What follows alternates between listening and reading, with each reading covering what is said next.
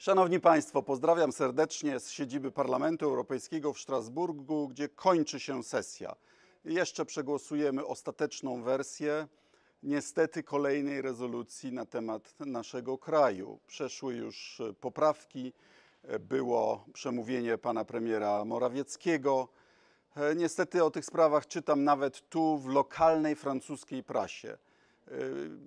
Cały świat obiegła wiadomość, że Polska jest w konflikcie z Unią Europejską, że coś między Polską a Unią Europejską idzie nie tak. I idzie nie tak. Najpierw y, znani politycy, ważni w rządzącej partii w Polsce mówią o Unii Europejskiej per okupanci, y, próbują udowadniać, że Polska de facto utrzymuje Unię Europejską. Y, padają bardzo agresywne stwierdzenia. Potem premier Morawiecki wygłasza E, agresywne e, przemówienie najpierw w Sejmie, a potem kieruje do przywódców państw europejskich dość koncyliacyjne pismo. I powiem Państwu szczerze, że my tu w, najpierw w Brukseli, potem w Strasburgu spodziewaliśmy się, że to oznacza, że przygotowuje grunt pod e, koncyliacyjne wystąpienie tutaj. To znaczy, że udając, że nie oddają ani jednego guzika, de facto chcą spełnić te bardzo umiarkowane postulaty Komisji Europejskiej po to, aby pierwsza zaliczkowa transza Funduszu Odbudowy mogłaby być przeka Polsce przekazana. I wydawało nam się, że, że, że będzie dobrze, bo likwidacja Izby Dyscyplinarnej Sądu Najwyższego już została E, zapowiedziana i to wiadomo przez najwyższy autorytet, czyli Jarosława Kaczyńskiego. Chodziło o przywrócenie do orzekania kilku sędziów, którzy mają na to prawomocne wyroki sądów e, administracyjnych. No i na coś oczywistego, czyli na, na pozwolenie pozostałym polskim sędziom robić to, do, co do tej pory robili powszechnie, czyli zadawanie pytań e, sądom europejskim. Naprawdę nic nadzwyczajnego. Tymczasem pan premier e, w przemówieniu próbował zmienić temat e, i ująć ten e, polski problem z Europą w kategoriach rzekomego sporu konstytucyjnego o naturę Unii Europejskiej. Konfederacja czy federacja, relacja między trybunałami konstytucyjnymi państw członkowskich a trybunałami europejskimi. Nikt się na to tutaj nie dał nabrać. Wszyscy wiedzą, że de facto chodzi o to, czy jedno państwo członkowskie ma mieć prawo do zastraszania, eliminowania i zastępowania sędziów rzetelnych sędziami z nominacji partyjnej. I to nie jest problem konstytucyjny. To jest problem egzystencjalny dla Unii Europejskiej. Unia Europejska nie może istnieć, gdy sądownictwo w jakimś jednym państwie członkowskim jest pod kontrolą partyjną. Wszystkie instytucje wszystkich krajów członkowskich muszą sobie nawzajem ufać i muszą być ekwiwalentne, muszą mieć e, podobne właściwości, czyli być w wypadku sądownictwa niezawisłe to można zorganizować na różne sposoby. Różne są tryby wy wyłaniania sędziów, różne są ilości szczebli sądownictwa. E, ale na przykład w, ten, w Niemczech, gdzie e, to jest przykład, na który e, powołują się panowie z Solidarnej Polski, sędziów do Trybunału Konstytucyjnego wy, wyłania się politycznie, ale większością dwóch trzecich. Chcecie ten system wprowadzić w Polsce? Proszę bardzo, ale dwóch trzecich. Tak, żeby to nie mogła być decyzja jednej czy, czy, czy nawet dwóch partii.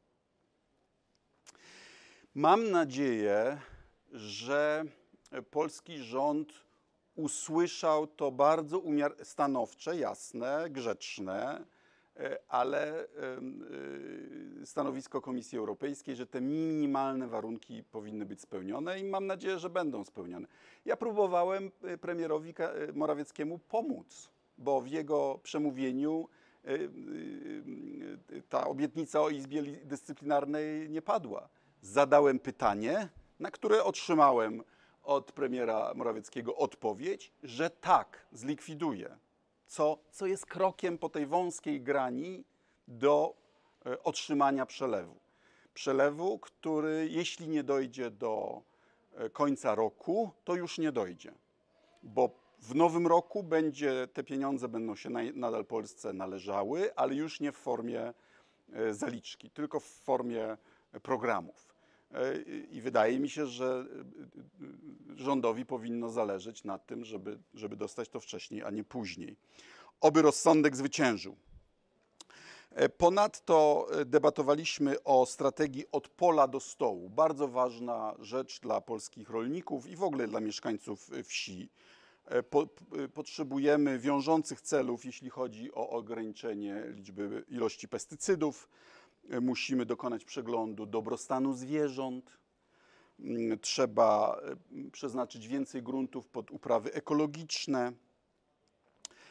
No i nasi rolnicy też powinni otrzymać uczciwą część zysków z żywności produkowanej w sposób zrównoważony i w ogóle z produkcji zysków. No, y, słyszeliśmy parę dni temu w mojej rozmowie z Jarosławem Kalinowskim, jak małą proporcję tej ceny, którą płacimy w supermarketach y, za żywność, otrzymują rolnicy.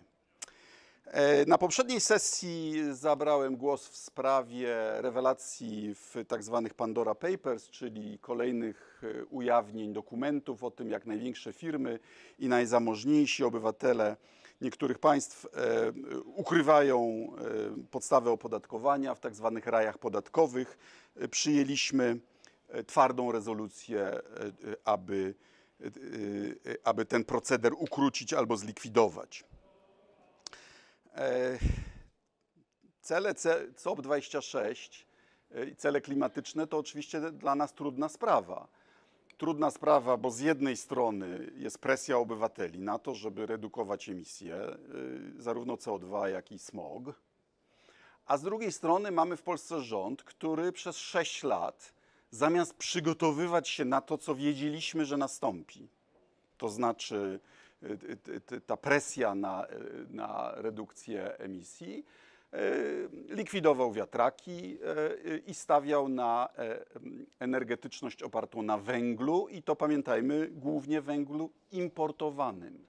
A teraz, gdy wzrosły ceny certyfikatów zielonych i wzrosła cena energii, oczywiście oni obniżają, obwiniają o to Unię Europejską, gdzie Unia Europejska im uczciwie mówiła od wielu lat, co będzie.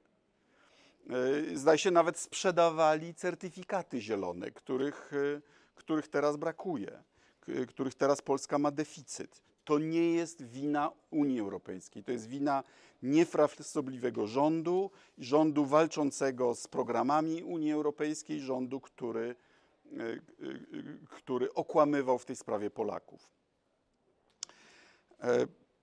Przegłosowaliśmy nie wiem czy ostatecznie, ale w każdym razie e, y, postulat, aby y, budżet przyszłego roku był głównie skierowany na walkę z, ze skutkami e, pandemii.